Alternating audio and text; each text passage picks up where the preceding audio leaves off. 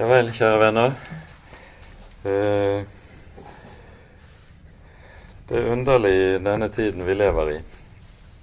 Vi hadde håpet, når vi etter hvert hadde fått en så høy prosentandel av befolkningen vaksinert, at vi skulle se slutten på denne pandemien. Nå ser det ut til at det kjører opp igjen med økende smittetall over hele, i hvert fall den vestlige halvkulen. Enkelte andre områder i verden er det på vei ned, hører vi. Men eh, sånn er det altså ikke hos oss. På verdensbasis Jeg var inne og kikket litt på statistikk i dag. På verdensbasis så regner man nå drøyt 5 millioner og 150 000 døde eh, etter pandemien. Av de landene som eh, er hardest rammet, så er det USA, som har over 770 000 døde. India har over 460, Brasil over 600 000. Mens vi her i Skandinavia har opp, jo opererer med langt lavere tall.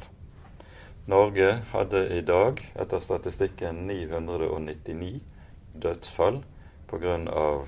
korona. Finland 1249. Danmark 2812. Og Sverige hele 15.110.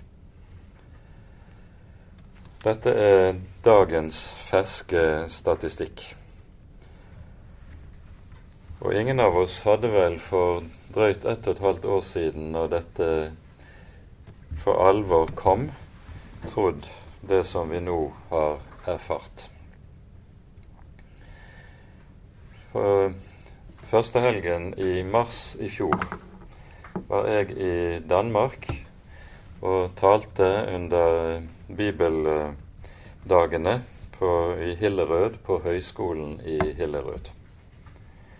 Allerede da var det satt ut flasker med antibac og sånne ting, men det var ingen som tenkte at dette her virkelig skulle kunne bli sånn som det faktisk løp av. Jeg kom hjem søndag kveld, og torsdag i uken etterpå så kom nedstengningen. Samme dagen fikk jeg mail fra hun som nå er min uh, hustru. Hun hadde fått korona. Og eh, hun ba om forbønn. Og jeg husket på henne daglig gjennom lengre tid. Hun var satt i isolasjon i over seks uker uten å ha lov til å motta besøk, se andre mennesker. Hun har fortalt at kanskje isolasjonen var det verste i det hun opplevde. Ikke å få se mennesker i det hele tatt. Mat kom på døren. Man kunne ringe etter mat da det kom fra butikken, men ellers var det umulig å se folk. Hun eh, ble senere rammet annen gang av korona ved juletider i fjor, og da meget alvorlig. Og hører med til disse som eh, er plaget av ganske harde ettervirkninger av sykdommen. For min egen del så ble det jo da slik at uh, det ble den kontakten med spørsmål om forbønn som ble foranledningen til at det ble oss to. Så jeg har og annet å takke denne sykdommen for. Så det er min historie, dette. Det underlige når vi hører om nedstengningen, er at i vår menighet lokalt i Bergen kjenner jeg ikke til en eneste en som har vært rammet av korona. Mens vi i vår lille menighet på Sotra hadde flere som var rammet av de gamle der ute. En av de meget alvorlig, men ingen døde som resultat av sykdommen.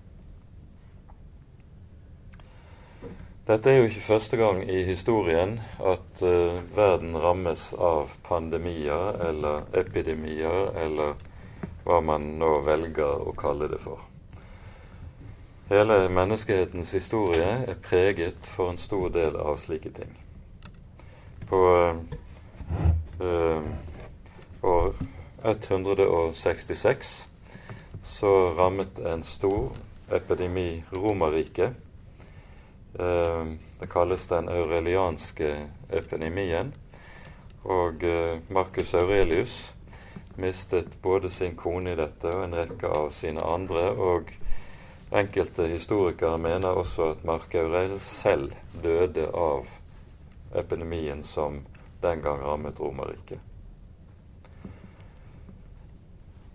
Senere har vi hatt svartedauden her i Europa. Og i 1527 så traff pesten, altså utbrudd av svartedauden, som jo kom, dukket opp gjentatte ganger etter eh, 1350 i Europa. Da rammet pesten Wittenberg.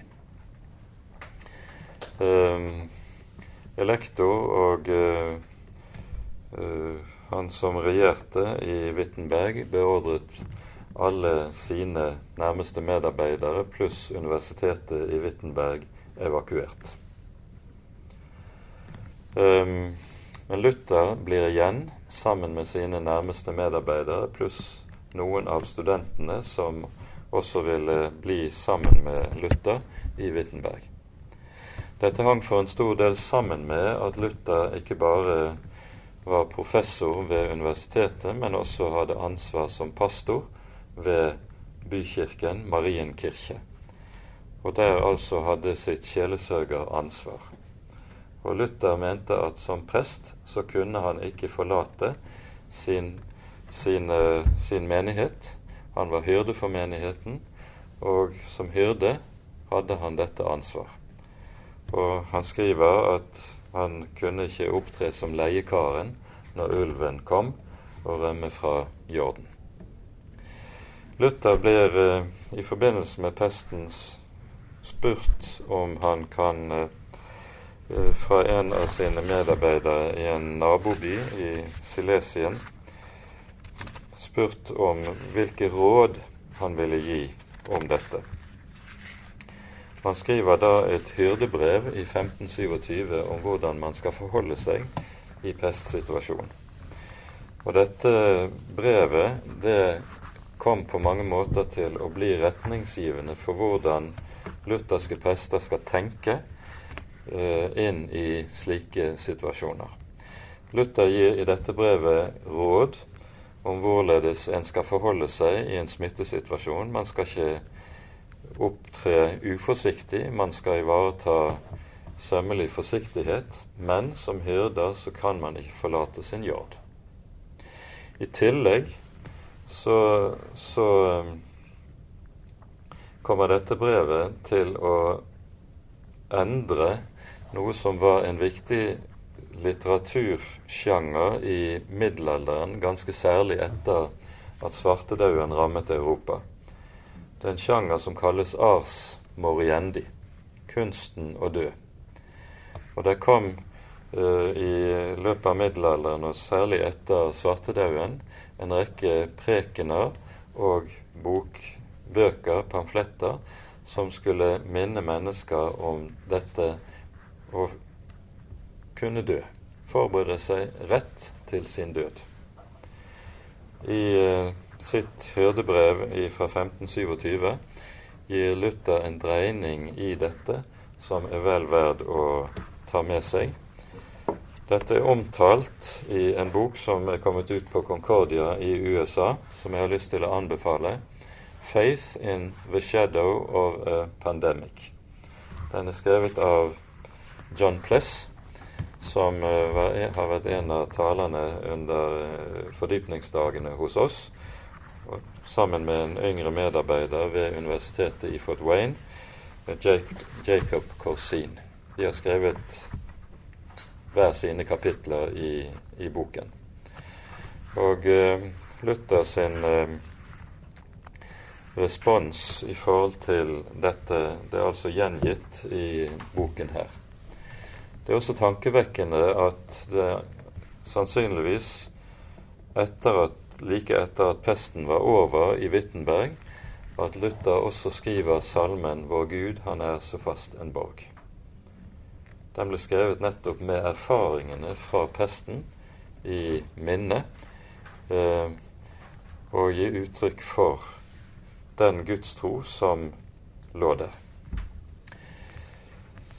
Noe som Luther advarer meget bestemt imot i hyrdebrevet sitt, det er å friste Gud. Når uh, man er utsatt for ulike sykdommer og ulykker, så skal man gjøre seg bruk av de legemidler som Gud har gitt oss. Man skal gå til lege dersom så sant å gjøre seg nytte av de legemidler som er tilgjengelig, og ikke tenke som så at nå er jeg i Guds hånd, og jeg trenger ingen lege. Det er å friste Gud. Luther er meget bestemt på, på det. Um,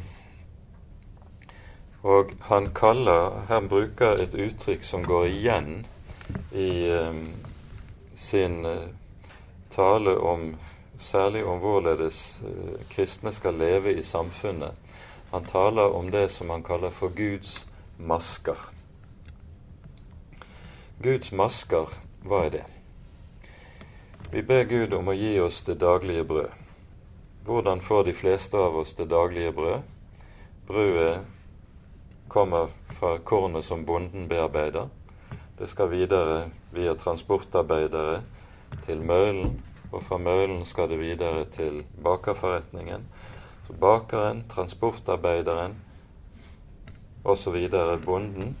Alle disse er Guds redskaper når han svarer på vår bønn 'Gi oss i dag vårt daglige brød'. Og Luther kaller rett og slett alt, alle disse tjenestene i samfunnet Han kaller det for Guds masker. Og legen, han er også en slik Guds maske. Gud utfører sin oppholdende gjerning i verden og i samfunnet gjennom alle disse ulike tjenester og ulike slags arbeid som er nødvendig for at et samfunn kan leve, og for at de enkelte mennesker kan ha det godt her i verden. Så Talen om Guds masker er en ganske viktig side ved Luther sin måte å tenke om hele det menneskelige liv og Guds måte å opprett, opprettholde den verden vi lever i. Han lar sin sol skinne over onde og gode.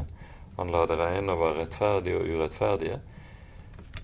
Men ved disse masker så holder Gud verden oppe.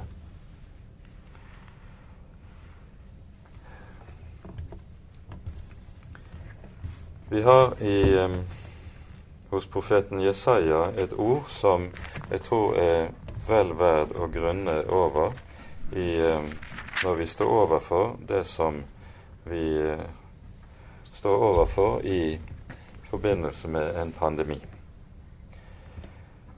Her står det sånn i Jesaja 45,7.: Det er jeg som er lysets opphav og mørkets skaper, som gir lykken og skaper ulykken. Jeg, Herren, gjør alt dette. I eh, synagogens morgenbønn så er dette bibelordet tatt inn som en del av lov, lovprisningen ved inngangen til sabbaten. Velsignet være du, Herre vår Gud, himlenes og jordens Herre, som danner lyset, skaper mørket, osv. Og, og det tankevekkende at denne bønnen lyder nettopp i det jødiske folk, et folk som kanskje har opplevd mer lidelse enn de aller fleste andre folkeslag under himmelen. Velsignet være du, Herre vår Gud, lysets, den, du som danner lyset og skaper mørket, osv. Med dette ordet så er det satt fokus på noe som er helt grunnleggende i hele den bibelske virkelighetsforståelsen. Er jo, det er jo sånn at i møte med denne typen ulykker og lignende katastrofer ellers i verden, så kan spørsmålet komme hvordan kan det finnes en god Gud når det er så mye ondt her i verden?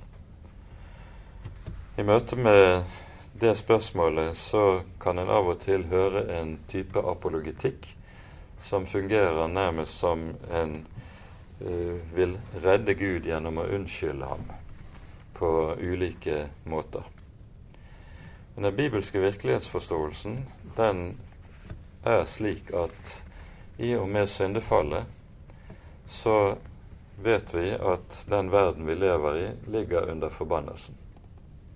Og til den forbannelsen som er rammet av vår verden pga. synden, hører alt dette som vi kaller ulykker, naturkatastrofer, pest og hva det nå ellers må være.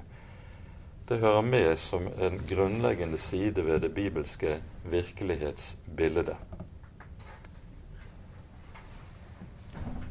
Dette betyr helt konkret at også når slike ting som en pandemi eller pest rammer vår verden, så det er også noe som er i Guds hånd. Vi er ikke i skjebnens hånd. Historien styres ikke av en upersonlig skjebne. Og da er det slik at en i luthersk teologi taler om to sider ved eh, vårt gudsbilde. Vi har det som kalles for den skjulte Gud. Og så har vi den åpenbare Gud. Når det gjelder Guds måte å styre historien, ofte gjennom store ulykker og katastrofer, så hører det med til den skjulte Guds gjerning, og det hører med til det som Luther også kaller for den Guds fremmede gjerning. Mens den åpenbare Gud, han er, lar seg finne først og fremst i sin sønn Jesus Kristus og i det ord som er gitt oss ved ham og hans profeter og apostler. Det er fåfengt for oss mennesker å prøve å så å si ransake hva som ligger hos den skjulte Gud, og hva som er motivasjonen for Guds historiske styre. I Det gamle testamentet så har vi profetene. De fikk åpenbart fra Herren hva som er årsaken til at sånn og sånn skjer i Guds folk. Da hadde de Guds klare ord på et hvorfor. Den typen åpenbaring har ikke vi. Det hører med til det skjulte hos Gud hvorfor det ene og det andre skjer i historien. Derfor skal vi ikke gi oss til å ransake og prøve sånn som vi kan høre enkelte predikanter ta, tilta seg, og si at dette skjer som en Guds straffedom over det ene eller det andre eller det tredje. Det vet vi ikke, for vi har ikke forutsetning for å vite slikt. I stedet skal vi tenke sånn som Jesus minner oss om i Lukasevangeliets 13. kapittel. På den tiden kom det noen og fortalte Jesus om de galileere som Pilatus hadde drept, så deres blod hadde blandet seg med blodet av slakteofrene som de bar frem. Han svarte og sa til dem, mener dere at disse galileerne var syndere fremfor alle andre galileere, siden de har lidd dette? Nei, sier jeg dere, men hvis dere ikke omvender dere, så skal dere alle omkomme på samme måte. Eller de 18 som tårnet ved Silo har falt nedover og drepte. Mener dere at de var skyldige fremfor alle mennesker som bor i Jerusalem? Nei, sier jeg dere, men hvis dere ikke omvender dere, skal dere alle omkomme på samme vis. Jesus avviser altså hele problemstillingen der det altså ser ut til å være en stadig fristelse for mennesker å tenke at når noen rammes av den og den ulykken, så er det en straff for det ene eller det annet eller det tredje. Vi har ingen forutsetning for å kunne si noe sånt, og skal holde oss langt borte fra det. Tilsvarende hører vi Jesus i Johannesevangeliets niende kapittel svare på disiplenes spørsmål i møte med den blindfødte. De spør Jesus er det han eller hans foreldre som har syndet, siden han skulle fødes blind. Jesus avviser hele spørsmålet. Verken av han eller hans foreldre syndet, sier Jesus, men dette skjedde for at Guds herlighet skulle åpenbares.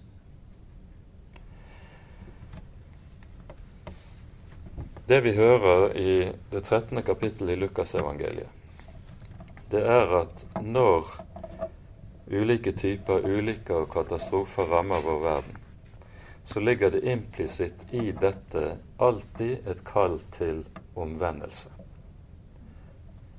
Vi har ikke noen rett til å prøve å utgranske årsakene til at sånn og sånn skjer, men det vi kan si i dette, er det at Gud kommer og søker å stanse mennesker opp og kalle dem til omvendelse.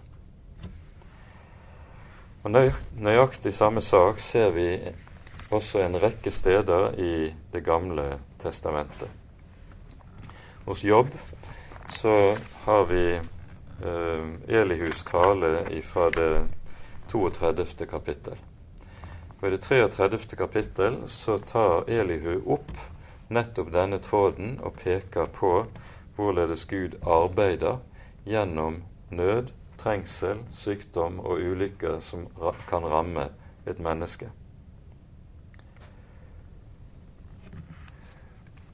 Vi leser fra vers 14 i Jobbs 33. kapittel. En gang taler Gud, ja, to ganger hvis mennesket ikke akter på det. I drømmer og i syn, om natten så kan han volde mennesker stor uro. Og så fortsetter han. Mennesket tuktes også med smerter på sitt leie, og en stadig uro går gjennom mage og ben. Han vemmes ved brød, og hans sjel vil lekke mat. Hans kjød tæres bort så en ikke ser det mer, og hans ben, så, som en før ikke så, ligger bare. Hans sjel kommer nær til graven, og hans liv til dødens engler. Er det da hos ham en engel, en tolk, en av tusen som forkynner mennesket dets rette vei?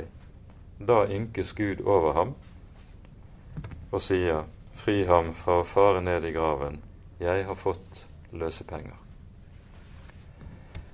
En engel det er, men, er, i denne sammenheng et menneske som kan være hos vedkommende som lider, og peke på Guds nådes hjelp, så han får komme ut i, til omvendelse og liv.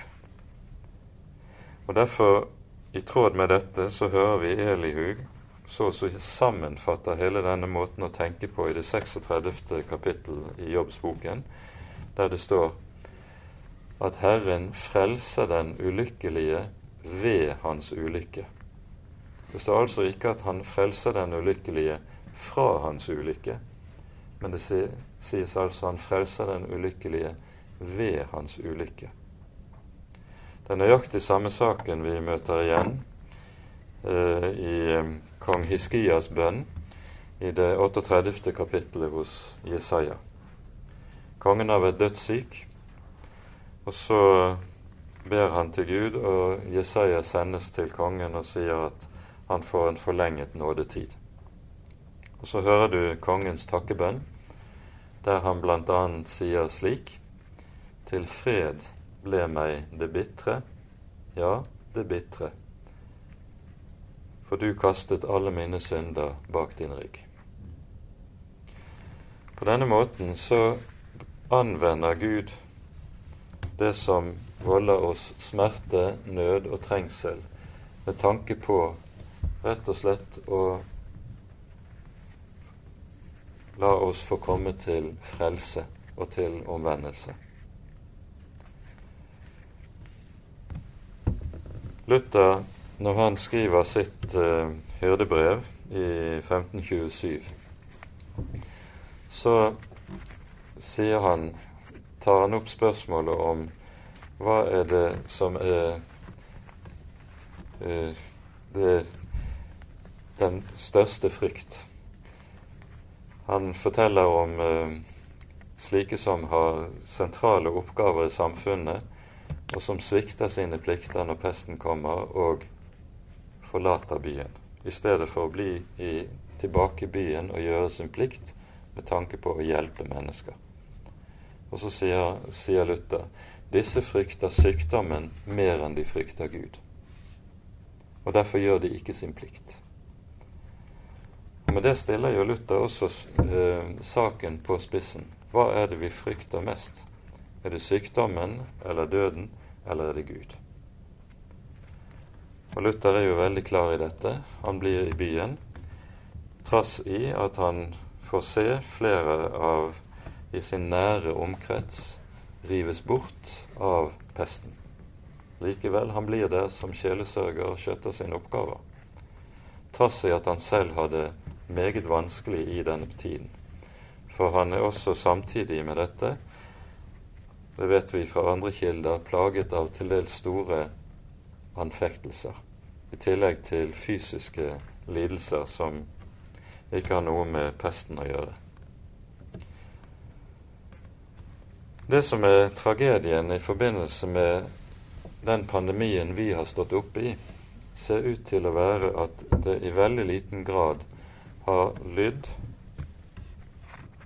et kall til omvendelse.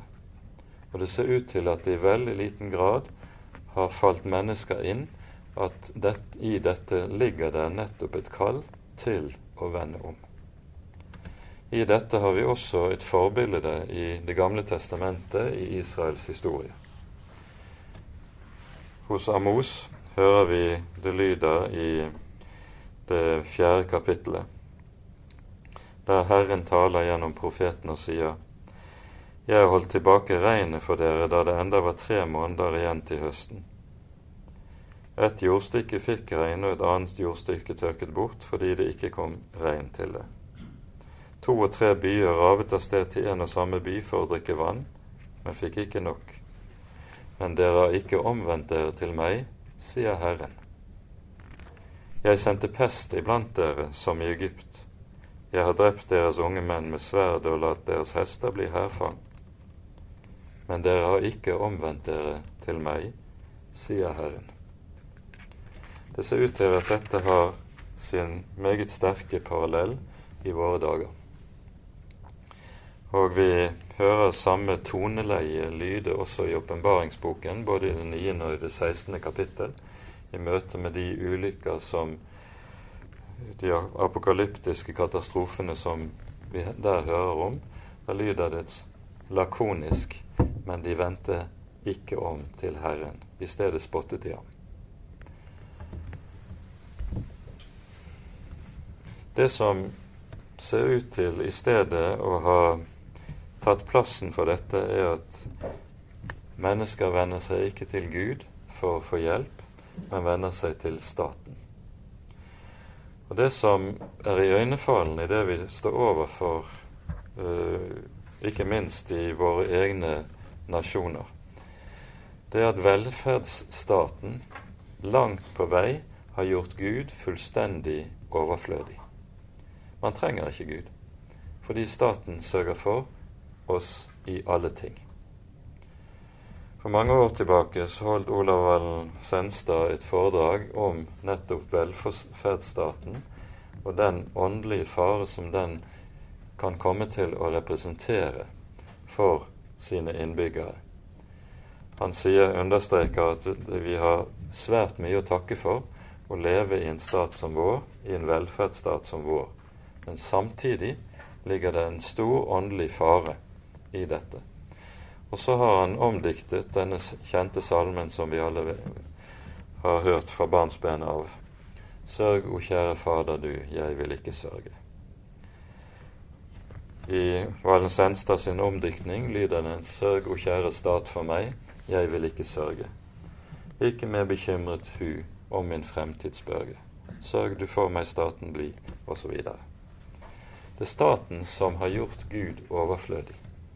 Og jeg tror dette langt på vei er noe av det som er årsaken til at vi nok kan si om den tid vi lever i, at det svarer til det som vi hører hos Amos.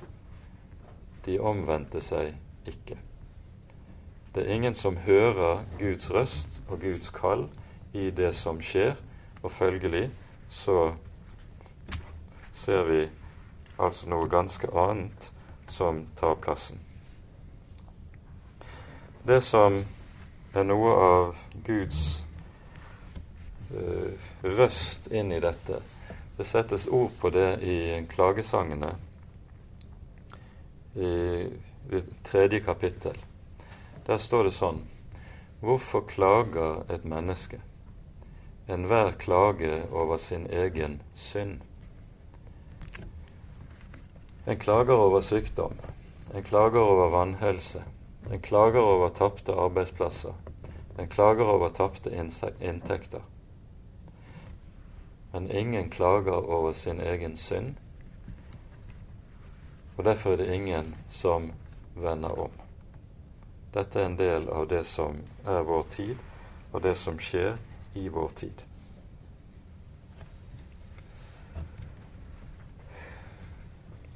Det som jeg tror hadde vært helt avgjørende for oss som kristne å ha for øye i det vi står oppe, for, oppe i når vi har en situasjon som dette, det at vi for det første som enkeltmennesker, men dernest også som menigheter, trenger å minne hverandre om hva korsteologien dreier seg om.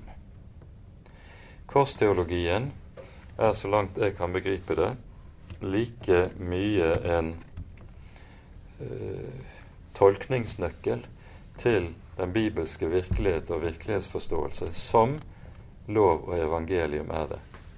Jeg tror nettopp dette paret, lov og evangelium på den ene side, korsteologien i motsetning til herlighetsteologien på den andre side, er de to viktigste tolkningsnøklene til hele Den hellige skrift.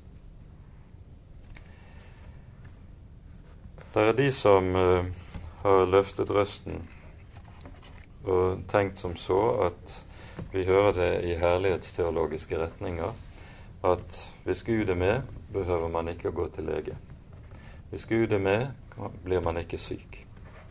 Slik vet vi i Den hellige skrift er det ikke.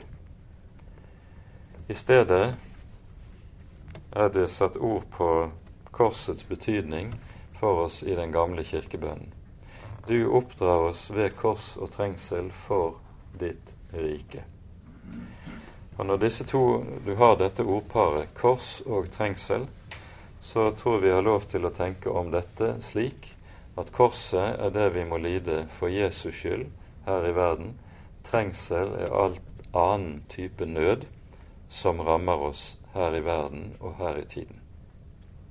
Og Gud bruker begge disse som redskap i sin opptuktelse og oppdragelse av sine barn her i verden. Og Derfor er det også slik at med korset i minne så kan en kristen si alle ting tjener dem til gode som elsker Gud.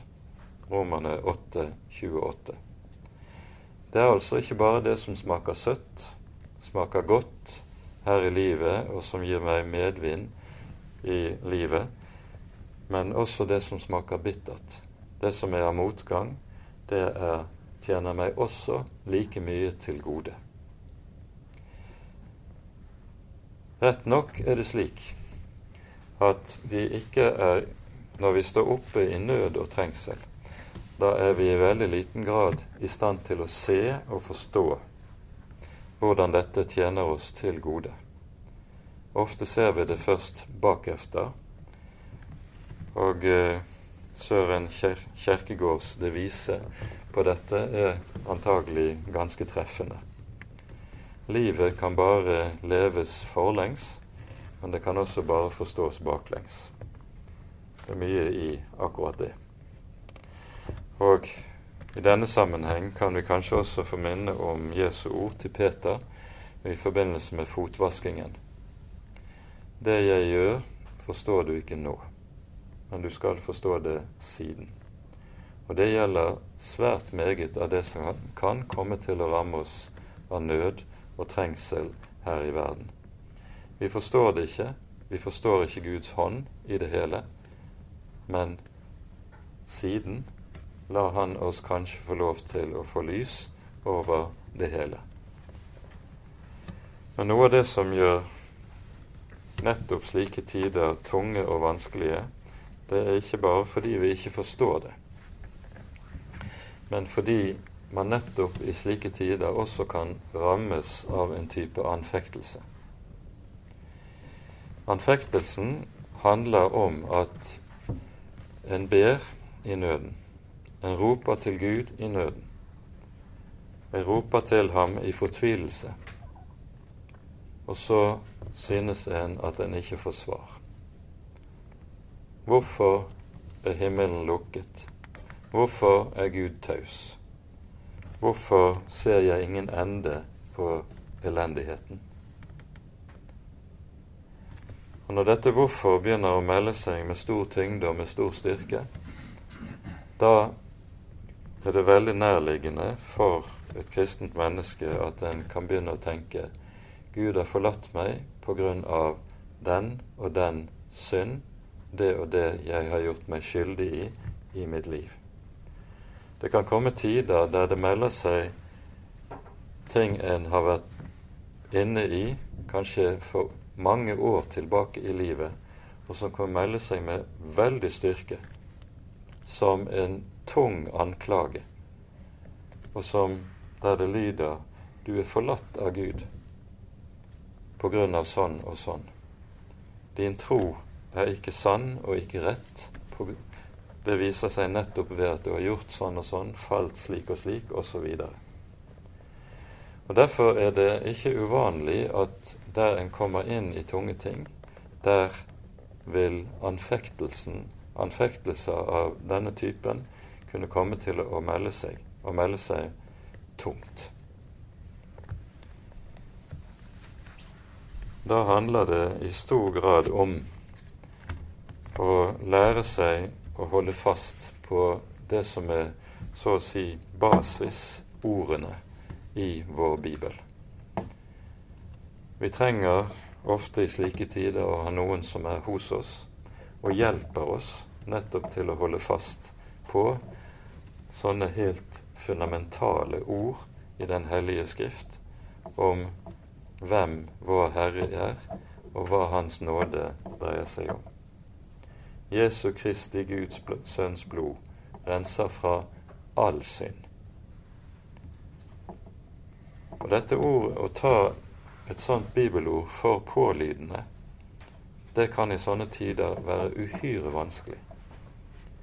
Ja, tenker man gjerne, det renser nok fra alle slags synder, men ikke fra det jeg står oppi.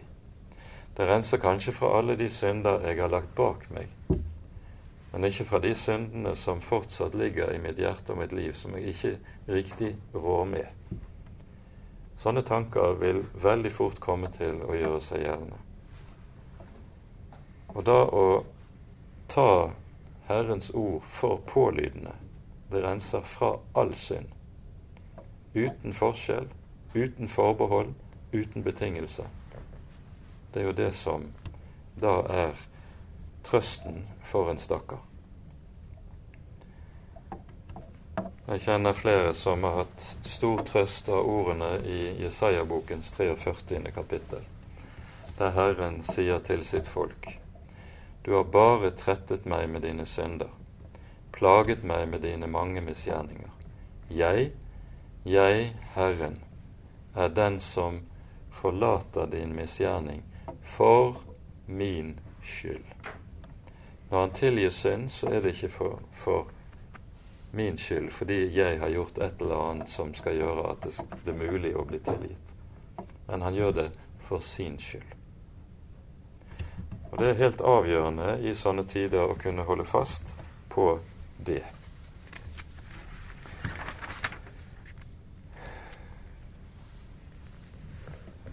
Korsteologien lærer oss dette grunnleggende at Guds hånd i ganske særlig grad er virksom nettopp gjennom nød og trengsel.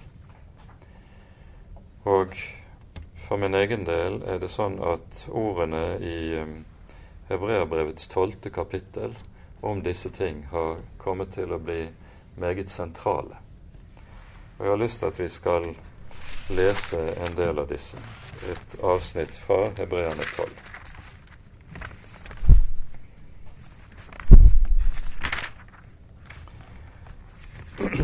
Det her um, det sies først i vers 4 Ennå har dere ikke gjort motstand like til blodet i deres kamp mot synden. Dere har glemt den formaning som taler til dere som til barn. Min sønn, forakt ikke Herrens tukt og mist ikke motet når du blir refset av ham.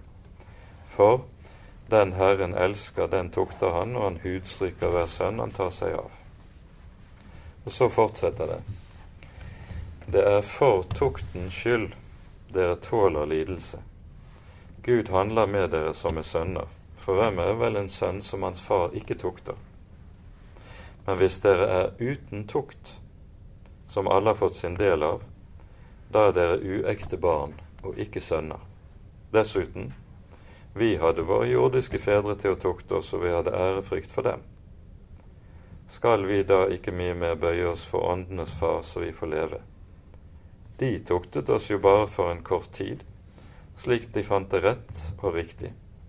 Men Han tukter oss til vårt gagn, for at vi skal få del i Hans hellighet. Legg merke til det. Korset er en viktig side ved helliggjørelsen. Den helliggjørende gjerning i et men kristen menneskes liv er ikke noe en kristen selv utrester, men det er noe Herren utretter gjennom korset. Han tukter til vårt gagn for at vi skal få del i Hans hellighet. All tukt synes vel mens den står på, ikke å være til glede, men til sorg. Men siden gir den dem som ved dette er blitt oppøvet, rettferdighetens salige frukt. På denne måten er det at Gud arbeider i den enkeltes liv gjennom nød, gjennom sykdom. Og så har dette arbeidet kommet til å få stor ut, holdt på å si, på sin brede virkning i den tiden vi lever i, der vi har fått pandemien. Det er mange troende mennesker som har blitt rammet av korona. En del har også blitt hentet hjem til Herren gjennom sykdommen. Og en del har fått oppleve at gjennom dette så har Gud gjort, ført sin hånd og sitt verk frem hos dem, for dem og med dem. Det har ikke vært lett, men korset er ikke lett. Så er det også slik at det som har skjedd gjennom denne pandemien, det har i stor utstrekning også rammet de kristne menigheter og det kristne fellesskap. Vi har hatt perioder der Kirken har måttet være stengt. Gudstjenestene har kun kunnet følges via streaming, via en skjerm. Og eh, når vi har vært i, samlet i kirke, så har man måttet holde avstand ofte har munnbind, og i liten grad har det fellesskapslivet Det er jo noe vi har sett hos oss i vår menighet, ikke minst. Det fellesskapslivet som har vært veldig ofte sterkt og intenst, det har lidd meget under det. Og en av de tingene som vi kjemper med, det er jo nettopp hvordan kan vi så å si gjenreise noe av fellesskapet som har, blitt, har lidd så tungt under denne lidelsen. Det er i hvert fall en del av de utfordringer som vi står overfor i tiden som kommer. Det er mulig at vi etter hvert vil få nye nedstengninger av ulike art. Det har begynt å lanseres spørsmål om koronapass i ulike sammenhenger. Skal det bli koronapass for å kunne komme til kirke? Jeg tror vi alle sammen vil reagere svært på noe sånt. Uansett så er det sånn i disse forholdene at som kristne så må vi også i disse ting være øvrigheten lydig. Og bestemmes det ting som gjør at vi må stenge ned, så er vi nødt til å forholde oss til det. Og hjelpe oss med de substitutter og surrogater som vi har, via skjermene. Det er ikke godt. Men samtidig kan vi også vite det at i denne tiden har det sittet mange, mange alene rundt omkring, isolert pga. sykdommen, og som har fått hjelp gjennom den forkynnelsen som har kunnet lyde via Internett. Så tross alt så har Guds ord fått lyde, og vi vet at det er mange som også har fått hjelp. I, eh, jeg tror vi skal slutte med det. I andre krønikabok, i det 16. kapittel, så hører vi om en av kongene i Jerusalem, Asa. Han er vel fjerde generasjon etter David, tror jeg.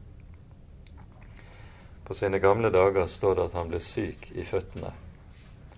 Og så sies det om han at Asa søkte ikke til Herren, men bare til legene. Det ser ut til at det langt på vei også er det som er tilfellet for Ola Nordmann i allmennhet. Det wake-up call som Gud har gitt gjennom denne sykdommen, ser i liten grad ut til å bli hørt. Og vi vet jo også hvorledes dette er i realiteten innenfor den stor, storkirken i Norge. Der lyder kallet til omvendelse knapt overhodet. Desto mer skulle det lyde fra oss som vet at det er det avgjørende i denne tiden. Men det tror jeg at jeg setter punktum det blir i all enkelhet i denne, denne timen. Um, men jeg har lyst til at vi kunne minne om Kingo sin uh, salme, gjelder, som er en perle når det gjelder korsteologien. Aldri er jeg uten våde. Aldri er jeg uten våde, aldri dog for uten nåde. Alltid har jeg sukk og ved, alltid kan jeg Jesus se. Alltid trykker mine synder, alltid Jesus hjelp forkynner. Alltid står jeg under tvang, alltid er jeg full av sang. Snart i sorg, snart vel til mote, snart i fall og snart på fote, ofte uten sinnets ro, alltid fylt av Jesu tro så er sorg til glede lenket, så er drikken for meg skjenket, besk og søt i livets skål. Dette er mitt levnets mål. Jesus, jeg med gråt vil bede. Hjelp du til at troens glede fremfor synd og sorger må alltid overvekten få. Takk for oppmerksomheten. Amen.